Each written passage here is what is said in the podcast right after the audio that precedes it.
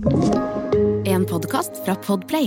Dette er en eh, public service announcement fra Romkapsel, som eh, bare har lyst til å skyte inn eh, og si at denne episoden, den ble spilt inn før eh, Russland gikk inn i Ukraina. Bare så at det er sagt.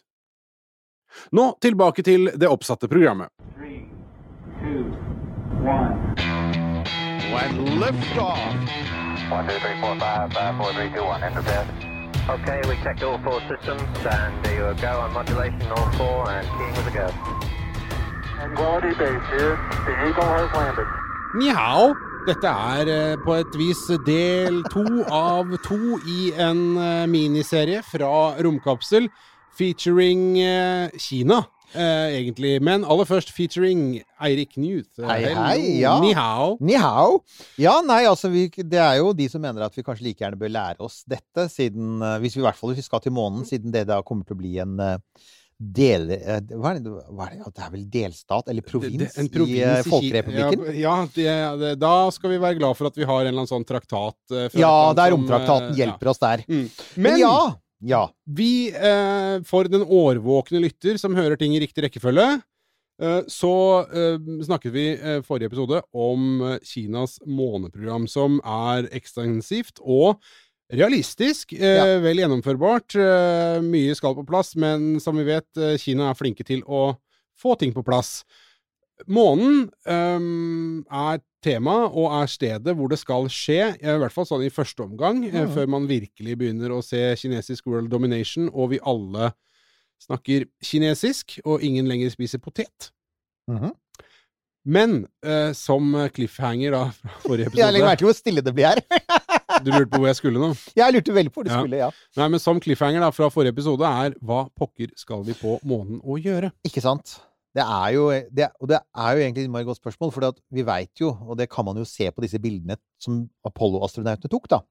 Månen er Det er en død klump. Ja. Ikke atmosfære, ikke vann, ikke liv, ikke sant? Og det som jeg syns er litt interessant nå, er at fall sånn i hva er det, 2022, da. Dette spilles inn og publiseres for første gang i, i starten av 2022. Og eh, så langt i år så har vi jo snakka veldig mye om månen. Mm. Vi har snakka masse om månen.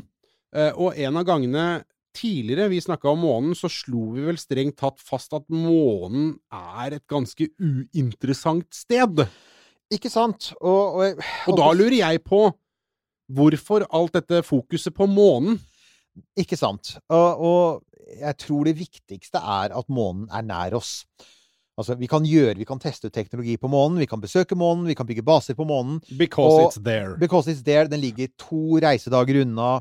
Du kan faktisk føre en konversasjon med folk på månen. Du får en tidsforsinkelse på tre sekunder. Den hører du jo når du hører samtalene med Apollo-astronautene på månen.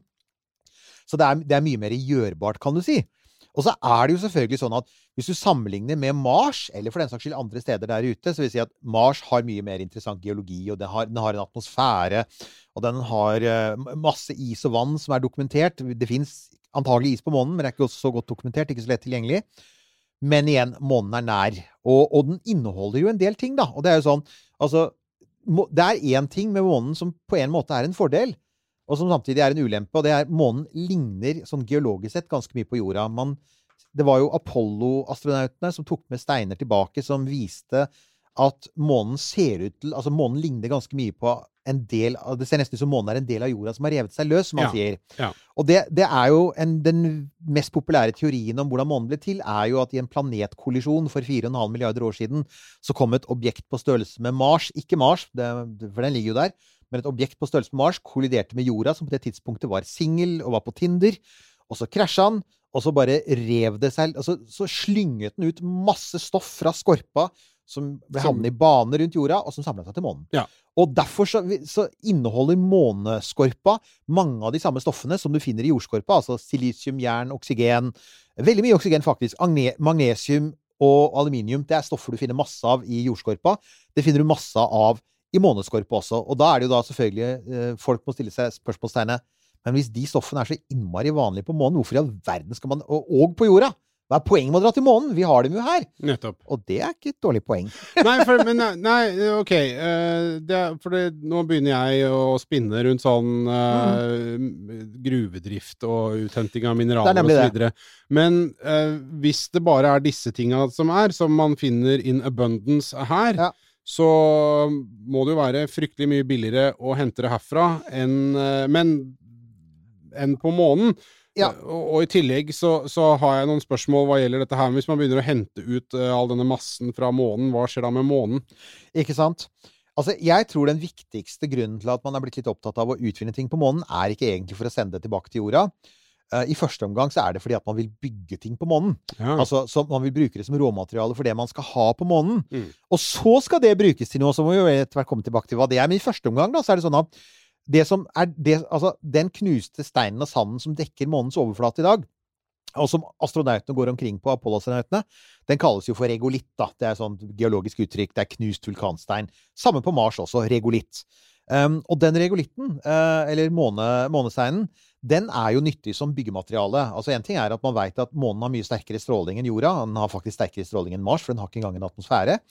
Så hvis du skal bo på månen lenge, så bør du beskytte deg mot den strålingen. Og den enkleste måten er jo rett og slett å grave, altså grave månebasen ned i bakken, og så bare måke eh, en meter med regolitt, regolitt oppå taket. Og da er du mye bedre beskytta mot den strålingen. Og i tillegg så stabiliserer du temperaturen, for månen har voldsomme temperatursvingninger, sånn pluss 120 til minus 150. Du stabiliserer jo det når du er under bakken med et tjukt lag med jord over, da, kan du si. Så her er det jo eh, byggeteknikker som en god del dommedagspreppere vil kjenne seg igjen i og sette pris på. Men så kommer jo da det som er litt kult. Og det er, og det det er noe som kanskje er litt mindre kjent. Det er selvfølgelig at man ønsker jo også ikke bare å ha løsmasse som skyves over en, et metallrør. Man ønsker jo faktisk å kunne bygge ordentlige ting. Og altså Ganske åpenbart så kan du ikke bygge ting av tre. Vi liker å bygge ting i tre i Norge. Jeg antar at du bor i et trehus. Nei! Gjør du det? Nei, jeg bor i et eh, murhus, gitt. Wow, for det gjør jeg også, og det er jo så sjelden. Altså, de fleste nordmenn foretrekker å bygge tre. Det kan du jo ikke gjøre på månen, for at det fins ikke noe trær, og å frakte ved fra jorda gir heller ingen mening. Så det blir jo da Det blir jo faktisk em, Det blir jo betong. Ja. Eh, og, og det har man også forsket på. Eh, tilbake på 1980-tallet så begynte man å forske på det som kalles for lunar crete, eller moon crete. Ja. Og det er altså amerikanske forskere som fikk lov til å De fikk tak i noen gram av Apollo-månestein og knuste det.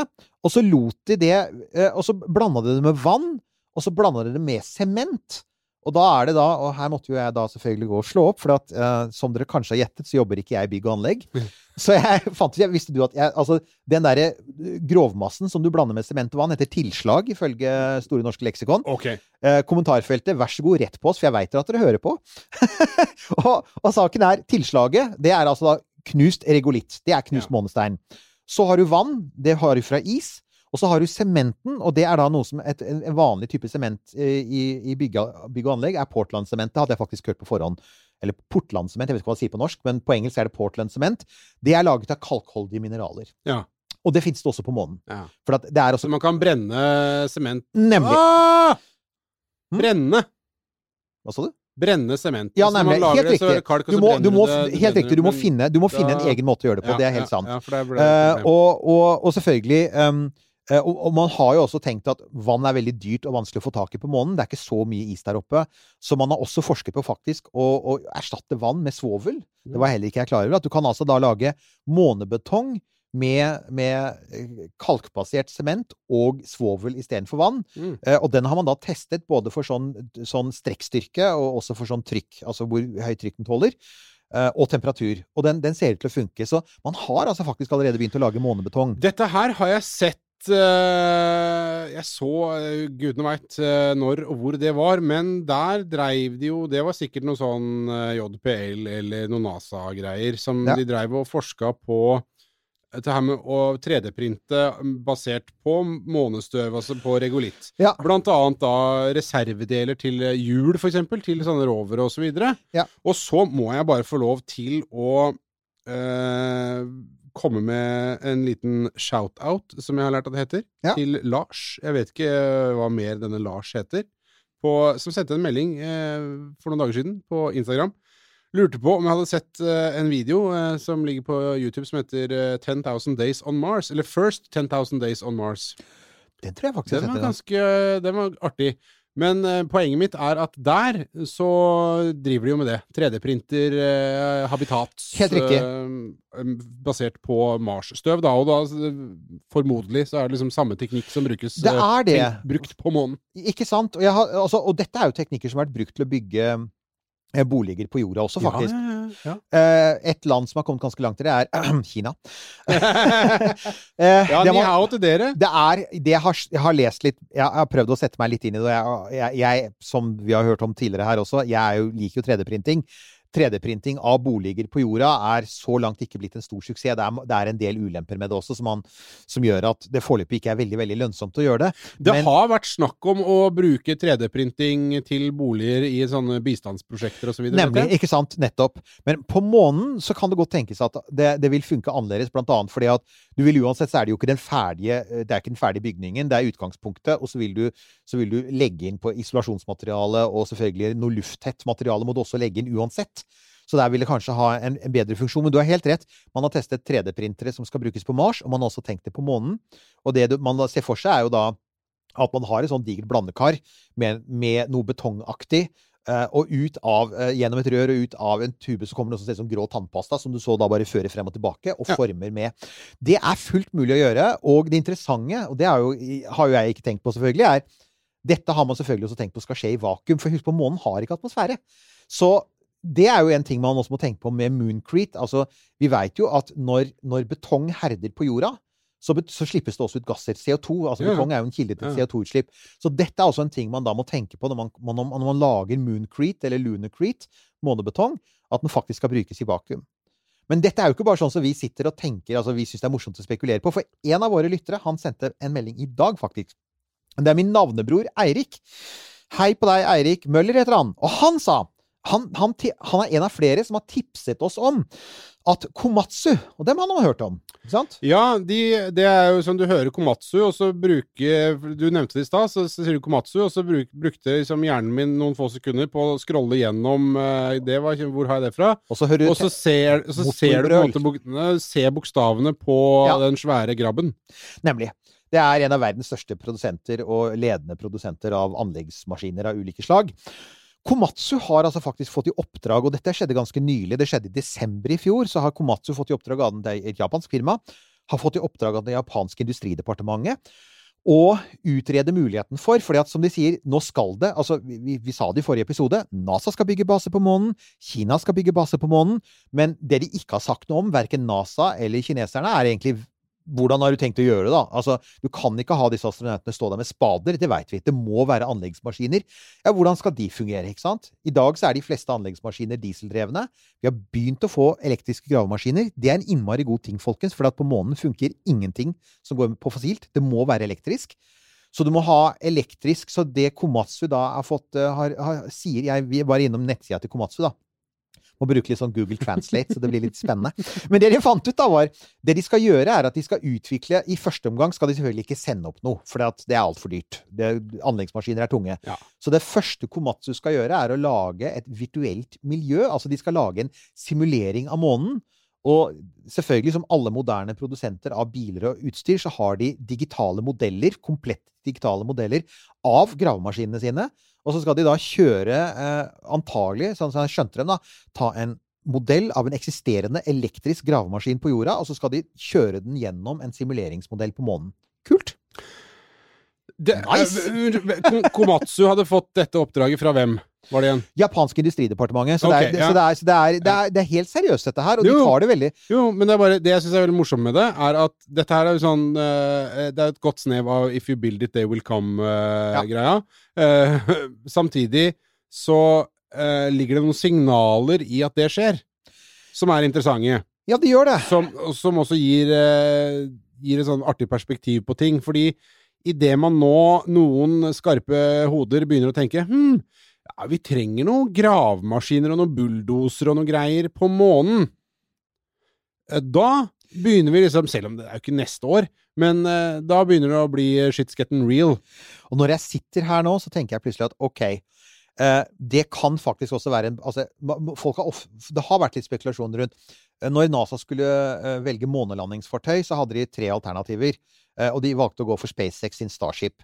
Noe av det mest av det mest sånn vanskelig å tro på når det gjelder SpaceX sin Starship som månelandingsfartøy, er at det er gigantisk. Mm. Starship er, altså Starship er 100 ganger større enn det du trenger for å lande folk på månen. Det er mye, mye større enn kravspekkene. Mm, Men hva er det plass til inni der? Vi, du har plass til, du har faktisk plass til en gravemaskin i Starship. Mm. Så hvis NASA går for Starship, så er de faktisk klare til ikke bare å lande 50 astronauter, om du har lyst til det, men du er faktisk også klar til å lande med en Komatsu som da bare firer ned i heis, ikke sant? Ned til overflaten.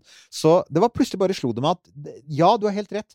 Um, noe av det som er litt kult med denne fasen av å se på månen, da, det er veldig forskjellig fra 60-tallet, som var veldig sånn derre én liten maskin, to mann, ut på månen, flagg og så tilbake igjen. Nå er det mer sånn systematisk, bredt. Vi kommer til, det er flere enn enn Komatsu, altså vi kommer tilbake til det, som helt klart begynner å tenke systematisk. Hvordan skal vi bygge ting? Hvordan skal vi tjene penger? Hvordan skal vi lage metaller? Hva skal vi bruke det til? Veldig kult. Ja, og så vil jeg da på en måte sirkle tilbake til, eh, til For at det, som du sa, eh, spørsmålet hva skjer med månen når man begynner å liksom utvinne alt mulig Mm, mm. Eh, for da ser jeg for meg en sånn derre plyndring av månen, Ja. og så plutselig så har man en permanent halvmåne, fordi det er ikke noe mer igjen av månen. Ah, jeg tror vi har litt å gå på, altså. Ja, Ja da, det jeg, Men- krisemaksimerer. Men eh, som du sier, at eh, det som utvinnes eh, på månen, skal brukes på månen fordi det som er der, det er ikke noe fancy. Det er ikke noe, det er ikke noe vi trenger til mobiltelefoner eller eh, mikrochipper eh, og, og så videre, sånne ting eh, her på jorda.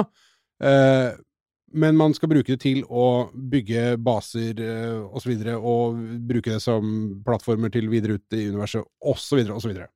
Litt det. Altså, og, og der kommer vi jo til altså, at, at altså, Man er jo også opptatt av dette her med at altså måneregolitten, eller månesteinen, den er jo, som stein på jorda, så er den jo sammensatt av masse grunnstoffer. Uh, og vi har jo allerede nevnt noen av dem, altså sånn type silisium uh, og, og, og metaller.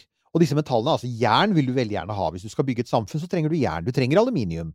Så man har også begynt å tenke på ok, hvordan i all verden da skal du eh, hvordan skal du få tak i den aluminiumen hvis du har lyst til å bygge f.eks. Ja, noen strukturer, eller kanskje til og med dele til et romskip på månen? Eller som da enkelte har vært veldig opptatt av, at solceller vil fungere bra på månen. Men solceller er tunge og dyre å frakte opp.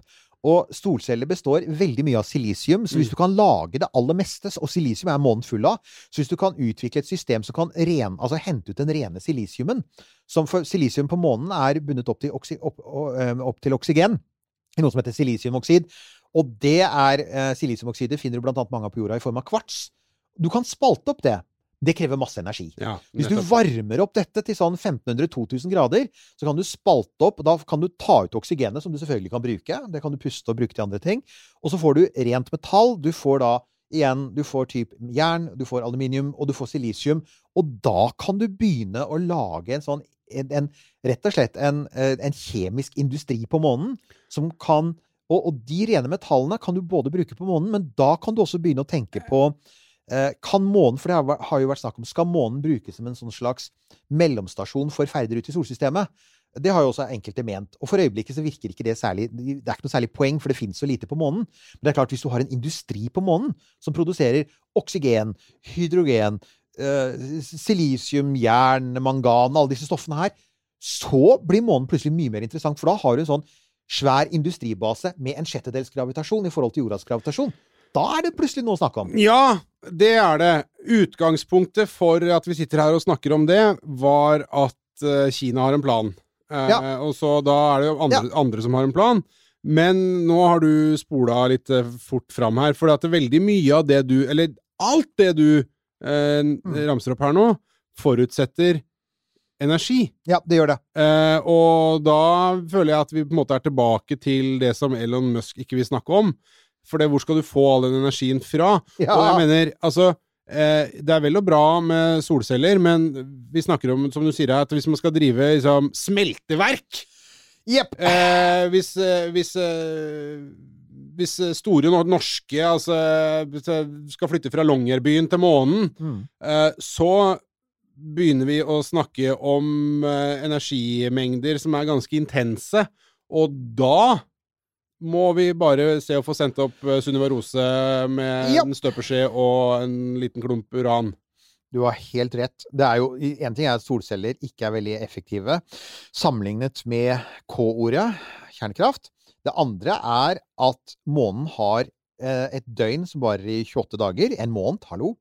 Eh, det betyr at det er natt i 14 dager. Det vil si, og, og på jorda kan du til nød lage batterier som holder deg gående gjennom natta. Du kan ikke bygge batterier som varer i 14 dager. Det går ikke. I hvert fall ikke hvis du skal drive smelteverk. Nei, ikke hvis du skal drive smelteverk, ikke sant? så det går ikke. Eh, Så da har man begynt å tenke ja, men da kunne vi kanskje sette opp solcellene nær månens poler, for da kan de liksom stikke opp over kraterkanter, og så kan de få, få, eh, kan de, så kan de få sol 24-7. Eh, Kineserne har ikke tid til dette. For igjen, altså du gjetter aldri hvilket land som Selvfølgelig, kineserne er i gang med å bygge De er i gang med å utvikle disse kjernekraftverkene. Kina har mye atomkraftverk, de bygger nye atomkraftverk. De er også langt framme på atomteknologi. NASA følger etter. Eh, NASA jobber også med atomkraftverk som skal kunne brukes på månen. Og russerne har også nå en, stor, eh, har også en storstilt satsing på atomkraft i rommet. Det sier de i hvert fall. Eh, de sier også at noe av den Mange mener jo at den også kan være militær. Vi kommer jo ikke forbi at den kan ha en militær bruk. Men altså, så, så, så, så NASA har faktisk em, Det er faktisk Jeg vet ikke om det, denne Jeg håper Jeg lurer på Kanskje denne rekker å komme ut akkurat før dørlinja går ut. I så fall. Hvis ikke, kanskje ikke så viktig, men 19.2.2022 har NASA en dørlinje for å få inn konsepter for deres nye måneatomkraftverk. Ja. Og det skal da være en urandrevet eh, reaktor. Eh, Den skal så ikke plutoniumdrevet, sånn som de som du har på Mars. Eh, Uran, eh, ordentlig klassisk atomreaktor, som skal produsere minst 40 kilowatt i minst ti år. Og 40 kilowatt eh, er ganske Altså, hvis du skal drive industri, så er det lite. Men i hvert fall, da må du opp på megawatt og Ja. gigawatt. Ja. Men 40 kilowatt er greit som en start for en månebase, og det leverer jo jevn strøm. Igjen, solceller. Uh, den skal ikke være større enn fire ganger seks meter, og den skal veie maks seks tonn. Men igjen så tenker jeg at med tanke på at du skal bruke Starship, så who cares?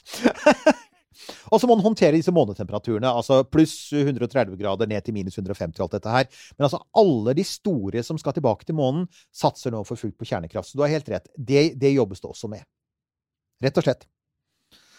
Og når vi er inne på kjernekraft, så kommer vi jo til det som Her er en ting mange av Jeg dere måtte, som måtte jeg ha en moment for å tenke meg litt om. Ok, ja. Ja. ja. det ja. mm, Speaking of kjernekraft. For at man har jo lurt på, ikke sant Jo, vi vet at det finnes is på månen, og det har vi snakket masse om. Vi vet vi kan gjøre med is. Derfor skal vi til månen, selvfølgelig. Mm. Eller det er en viktig ting med månen. Vi har disse metallene, vi har denne regulitten. Så er det altså har man Hele tiden så tenker man, både når det gjelder månen og når det gjelder Mars, finnes det noe som er så verdifullt at selv om at det, det faktisk er verdt prisen å frakte det tilbake til jorda. Altså, Mm. selv om du skal frakte det hele den lange veien tilbake til jorda, så vil det kunne konkurrere på pris med noe du kan lage på jorda. Og det er da Lenge så har det vært en del forskere, og ikke minst mange entusiaster, som har ment at det finnes et stoff, og det er helium-3. Og dette det. har du snakka om før. Ja, det måtte og bare sies. jeg må gjøre det igjen. Ja. Fordi helium-3 trodde jeg det var noen gærne finner som hadde funnet på da de lagde den filmen Iron Sky. Yep. Med eh, nazibasen på Den den mørke fin, sida av månen. Ja, ja, ja. Det Eh, er... Da tenkte jeg helium-3, det er sånn, eh, det er sånn unobtainium. Ja, men så du forresten, apropos det, så du at um, eh, Roskosmos skulle jo eh, de skulle jo tvitre om, eh, om at de samarbeider med kineserne for å bygge eh, en månebase, som vi snakket om i forrige episode, ILR, ILRS, eller hva det heter. Mm. Ja, og da illustrasjonen de brukte, var hentet fra Iron Sky. Yeah. Så, og jeg, jeg, jeg vet ikke Det var liksom sånn Jeg tror de fjerna den tweeten, da. Men det Mm. var det med dette med at russerne tvitrer en hypotetisk nazibase når de skal jobbe sammen med Ja. Men ja. Få det på. Få det på. Er Werner egentlig død? Ja, der var han. Yes, der var det gjort. Mm. Sjekk. Jo, nei, så, så ja. Helium-3. Ja. Høyst reelt. Helium er, altså, helium er det nest vanligste stoffet i universet, så det fins jo selvfølgelig helium på månen også.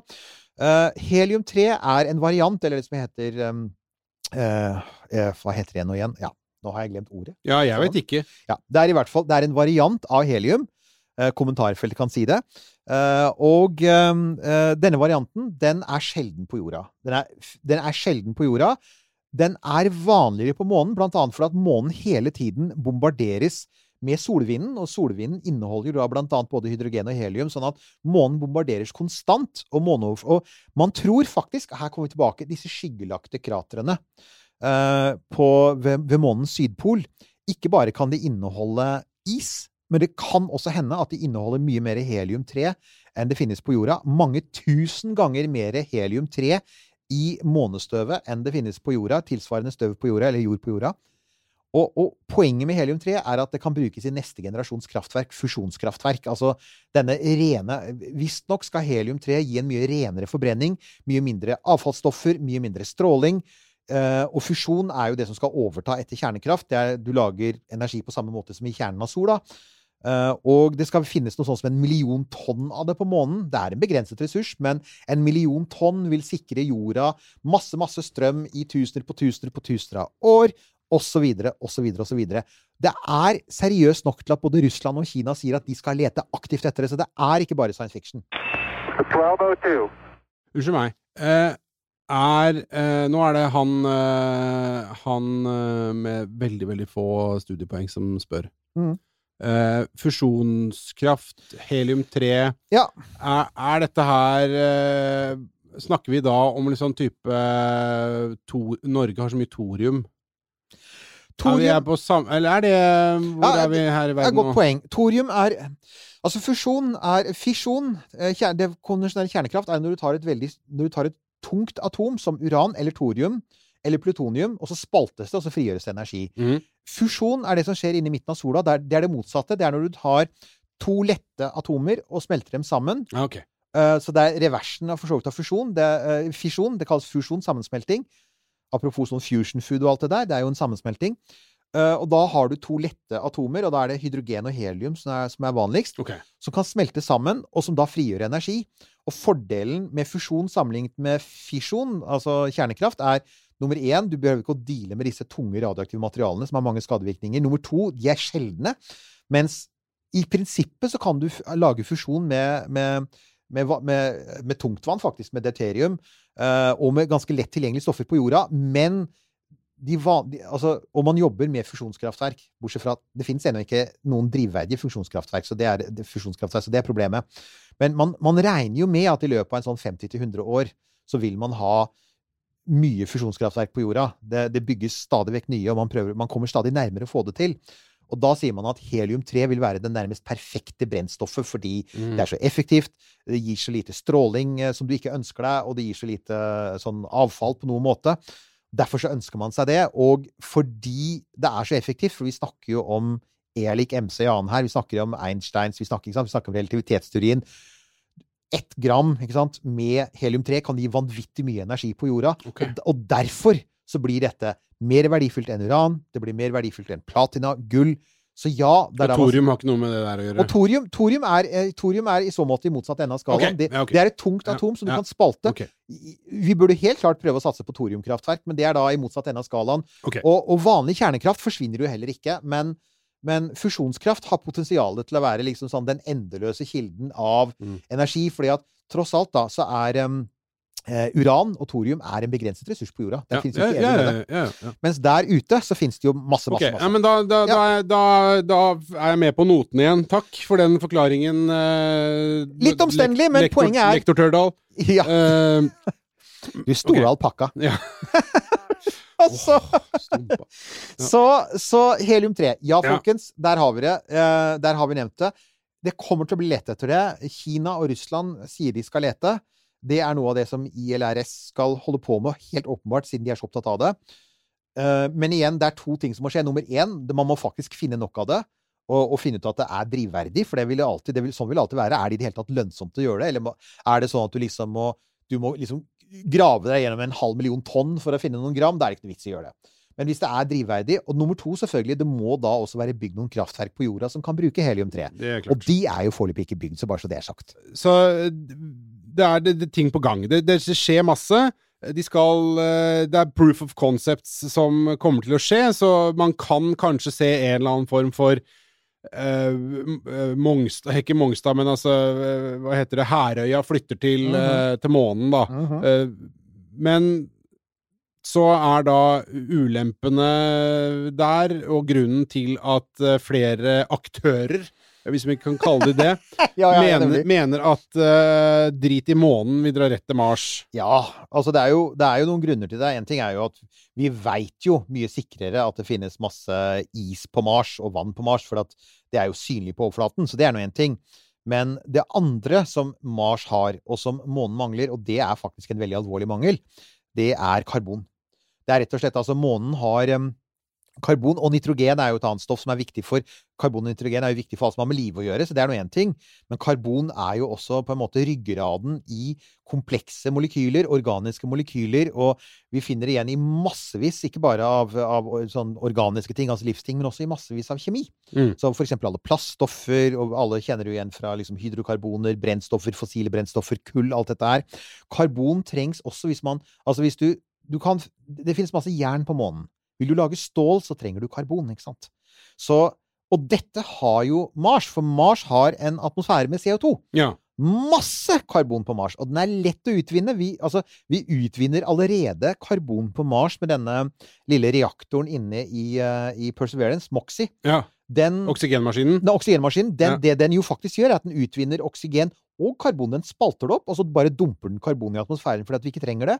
Vi kunne selvfølgelig tatt vare på det og brukt det. Så, så det, det, det Mars-tilhengerne påpeker, er at den tingen alene, altså til, til, til, tilgangen på vann og tilgangen på karbon, er to ting som gjør at Mars alltid vil være mye lettere å ha med å gjøre enn månen. Antagelig må vi tilføre Altså importere.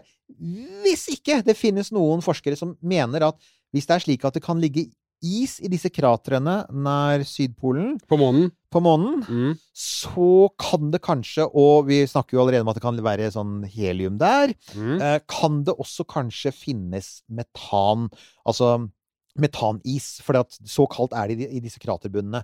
Men det er ennå ikke sikkert bekrefta, og, og altså det ville jo være en game changer, for da har du plutselig karbon. Mm. Men, eh, men ja, det er faktisk Så, så, så eh, den eneste ulempen, da, kan man si, eh, hvis vi skal liksom dra den Mars-greia litt videre, Mm. som vi jo liker å gjøre her eh, eller annen grunn, ja. eneste, ule, eneste ulempen Mars har satt opp mot månen, er at det er langt unna. Det er langt unna. ikke sant? For, så Mars har jo også da, Det at Mars har en atmosfære, er stort sett en fordel. Ja. Det er noen ting som gjør at det er greit å ikke ha noen atmosfære på månen, som f.eks. at solceller blir mer effektive, og du kan skyte opp ting uten at det bremses. Mhm. Men det er også veldig greit å ha en atmosfære når du skal bremse ned. Så, så alt i alt så tror jeg de fleste er enige om at det er bedre å ha en atmosfære enn ikke å ha det. Ja, det, det var jo ting man ble veldig klar over Øh, Jeg på å si eh, Ikke tidlig i menneskets eh, levealder, men eh, det ble jo veldig åpenbart for mange da ozonlaget ble populært. Ikke sant. Og, og det, er, det er jo ganske slående at eh, altså mange av de tidlige pionerene som har jobbet med romutforskning, deriblant Werner von Braun, var opptatt av dette å komme seg fortest mulig til Mars, og ikke egentlig bruke så mye tid på månen, fordi månen ble sett på som, som ganske død. Men altså, det kan hende. Det kan hende at man får dette til. Det kan hende at man finner dette heliumet. Det kan hende at man finner en måte å lage metaller og mineraler billig på, sånn at det faktisk blir drivverdig. Jeg er fremdeles eh, jeg er, jeg er litt sånn skeptiker her, men, eh, men ja. Men sett nå da at øh, det finnes øh, ting mm. på månen eh, som noen har lyst på. Så er det sånn at eh, månen er internasjonalt farvann. ja. FNs romtraktat og alt det der. Ja. Men eh, så, men da er det lov, eh, ikke lov? Altså, kan man starte en gruve? Altså, det, på jorda så vet vi det at uh, ingen kan starte en gruve på tomta mi. Nei, ikke sant? Uh, men uh, tomta mi fins jo ikke, det er jo ingenting mi på månen. Nei, ikke sant?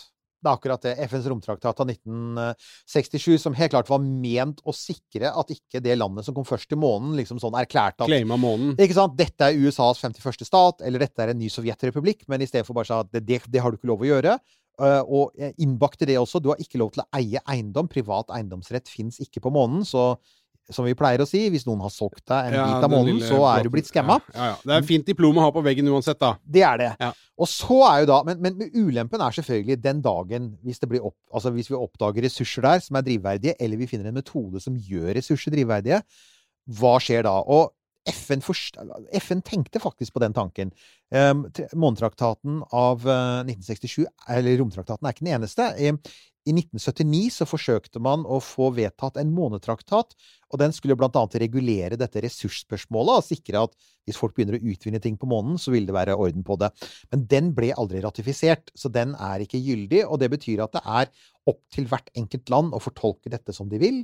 Og USA har gjort det helt klart at de mener at gruvedrift av, eh, altså drevet av amerikanske selskaper er en helt grei ting, og har til og med legalisert det i 2015. Ja.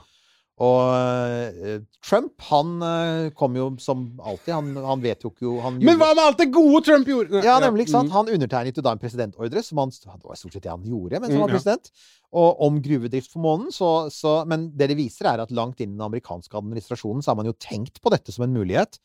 Og også i Russland og Kina så er man jo enige om at um, det er lov. Det er lov for land å utnytte måneressurser. Det er lov for private selskaper å starte uh, drift. Men her er jo saken hvis du ikke har eiendomsrett til landet, og du da finner for eksempel Og nå fant jeg den, den digre klumpen med ja, metanis, da. Med karbon. Den kan bli verdifull på månen, for karbon nesten ikke fins på månen. Og så sitter du der og har laget deg Ja. din lille fabrikk som skal utvinne metanis, og så er du amerikaner, og så lander det 50 meter unna, så lander det en kinesisk uh, liten automatisk fabrikk som begynner å utvinne metan. Og så sier du ja, men det kan du ikke gjøre. Og så sier kineserne det kan jeg vel, for du eier jo ikke denne. Du eier jo ikke området. Du har ikke noe Du suger av den samme åra. Nemlig. Da blir det problematisk. Ja. Og det er akkurat det. Så, og da håper man på en måte at dette skal løse seg av seg selv, fordi at Ja, det, det har det jo en tendens til å Ja, gjøre, nemlig. sånne ting. Alt det i minnelighet viser jo verdenshistorien at Ja, når, det ja, er, eh, når det er verdifulle ressurser inne i bildet, så har det jo sånne ting som eiendomsrett en tendens til å bare løse seg. Ja, ja, ja, ja, ikke sant? Og, og særlig når man da har å gjøre med, i tilfelle USA og Kina, to stater som i utgangspunktet er så innmari, på, på så innmari god fot med hverandre. De er jo verdens beste venner. Og i Så- tillegg da, hvis du finner stoff Uh, Hvis man finner da drivverdige mengder av et stoff som kan løse energikrisen, I all evighet! så, så er det klart at uh, da vil jo dette løse seg i minnelighet. Det er det jo ingen som helst Ja. tvil om.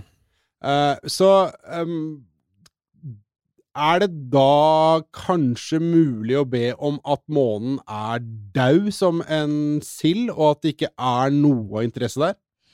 Ja, altså på en måte så altså Det er nesten så man håper det litt også, fordi at selv om Altså Hvis det skulle være sånn at man begynte med For det det er en ting som vi, vi har vært litt opptatt av de senere årene, er disse her eh, satellittene som skytes opp nå, særlig av eh, Musk og, og SpaceX med, i forbindelse med Starlink, om at de er i ferd med å forandre stjernehimmelen. De er i ferd med å lage lysspor som gjør det vanskelig for astronomer. og noen tror jo at stjernehimmelen kommer til å drukne i satellitter etter hvert. Jeg tror ikke det blir så dramatisk, men ja.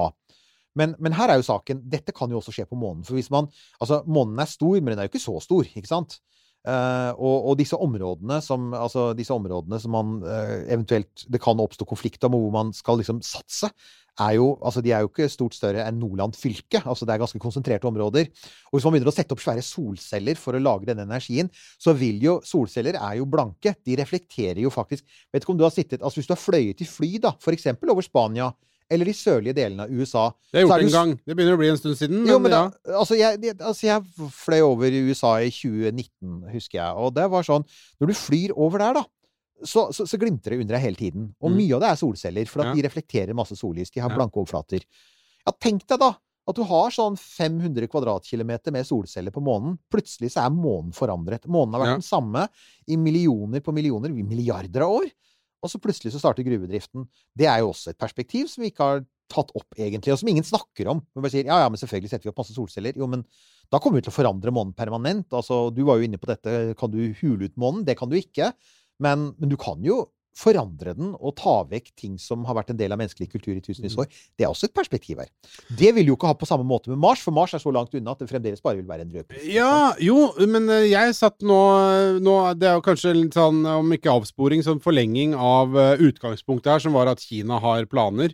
Mm. Eh, men denne problemstillingen må jo det jordiske samfunn før eller siden ta stilling til, fordi Ja. uansett hvordan du vrir og vender på det, om ikke månen er så forbanna interessant, så vil jo Mars være det.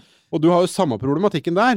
Så dette er jo, dette er jo et tema som man er nødt til å finne en, en løsning på, som gjør at vi ikke ender opp med en sånn uh, nukes in space-krig her. Nemlig. Jeg, jeg tror faktisk det finnes en vei gjennom dette her, og den går via Eh, nå er vi blitt stadig mer opptatt av romsøppel og alle disse satellittene som skal sendes opp til Starlink og andre megakonstellasjoner. I den forbindelse så har faktisk stadig flere begynt å si vet du hva, vi trenger jo en måte å koordinere det på. Vi trenger en eller annen form for trafikkontroll. Akkurat som man har det for fly, så trenger man det også for, for ting i rommet. Det krever internasjonalt samarbeid. Også Kina og Russland er nå begynt å ta til orde for at man trenger et internasjonalt samarbeid for det. Og det, det, er egentlig en god ting, for man har liksom vært litt der da, i, i, i, rommet. Som har vært at ja, men rommet er jo stort. Rommet er jo uendelig ja, stort. ja. Ja, men det er jo ikke helt sant på en måte. For det som er interessant for oss, da, det er faktisk ikke så stort. Altså, Nei. Mars er en ganske liten klode. Månen er en enda mindre klode. Det som antagelig er mest verdifullt på månen, kan vise seg å være på størrelse igjen med Nordland. Og, og, og det- det er som kjent altså Nordland er et stort fylke, men i kosmos er det bitte lite. Så, så vi må på en måte få ta inn over oss at de tingene, de stedene i rommet som vi syns er spennende og interessante, og som vi kanskje vil utnytte, de er egentlig veldig små, og da må vi faktisk få noen delingsløsninger for det, slik vi har på jorda. Ja, og i det vi ser at eh, Komatsu virkelig begynner å lage ordentlige romgravemaskiner, og et firma i Houston sender opp eh, noen små eh, smelteverk til månen, så er dette en problemstilling som er høyst reell. Det er akkurat det. Og, og det, det, er, det er det, klassiske eksempelet som vi ofte har på jorda når vi har ny teknologi, og det er når skal vi ta den diskusjonen? Skal vi liksom ta den når teknologien allerede er ferdig og nærmest har, satt agenda, eller skal vi forsøke å, å ta diskusjonen mens teknologien fremdeles er ganske fersk? Hva er en sparkesykkel egentlig? Ikke sant? Ja. Nemlig. ja, nemlig. Det er et veldig godt eksempel på akkurat det. Og hvordan du da Og så får du panikktiltakene. Nei, men da vet du hva, nå stenger vi ned alt sammen, for Ja. at det gikk altfor fort og altfor langt. ikke sant? Og det hadde jo vært fint om vi kunne unngå det i kosmos, da. At vi plutselig fikk en sånn derre Nei, nå er det bare ett firma, og de får lov til å drive ti timer i året. uh, for, for at dette gikk altfor fort. Ja. Så, så ja, gjerne det. Så, til, uh, så hvis det er noen som har ansvar for rompolitikk der ute, så, så begynn å tenke litt på dette her. Kanskje begynn å tenke litt på hvordan, hvordan skal vi egentlig regulere månen? Hvordan skal vi få orden på dette her, sånn at ikke USA og Kina ender opp i en eller annen sånn shootout på månen? ESA tar grep umiddelbart og setter ned sitt første komitémøte om 14 år. Så vi ønsker lykke til med det. Um, og på denne byråkratiske eh, utredningen, eh, så eh, lange setninger med bisetninger og innskutte bisetninger, så setter vi strek for vi strek. dagens uh, ukens episode. Sier ni hao. Um, Da sier vi ni hao igjen, eller vi sier farvel på kinesisk, som vi, ingen av oss vet hva Jeg vet ikke hva det er for noe. Det. Nei, og vi, eh, vi rekker ikke å fiske fram eh, Google her, så. Så uansett, uh, har dere tanker rundt dette her? Det pleier som, folk pleier som regel å ha noen tanker rundt uh, Ja, jeg. helium, helium-3, Ja. som uh, jeg plutselig kom til å tenke på. Det er- heter jo selvfølgelig isotop, så da behøvde dere ikke å si det likevel. Uh, og det er, altså, det er også Ja, du har for lengst fått uh, melding om det der. Ja, ja, for lengst. Jeg vet det. ja. Folk sitter og hører på oss, og så sitter og sier Ja, ja. Eirik, det heter isotop. Det er veldig hyggelig at dere er engasjerte. Ja, veldig bra. Og det. det er også baseballaget i Springfield. eh, Det Ja. Springfield Isotopes. Topes, ja, isotopes, topes, topes. Det burde man huske. Stemmer, stemmer. Så ja, uh, men i, som vanlig, gå innom og fortell at det heter Isotop på Facebook, på Twitter, uh, og, og så er det jo da selvfølgelig, som alltid, mulighet for å støtte oss på VIPS. Uh, Det er Romkapsel, Newt og Halvorsen heter vi der. Romkapsel.no. Eh, der er det T-skjorter. Uh, så tusen takk, uh, kjære lytter, for at du henger med oss eh, på alle mulige måter. Det Ja. setter vi umåtelig stor pris på. Ni hao, fordi det er det eneste ordet jeg kan.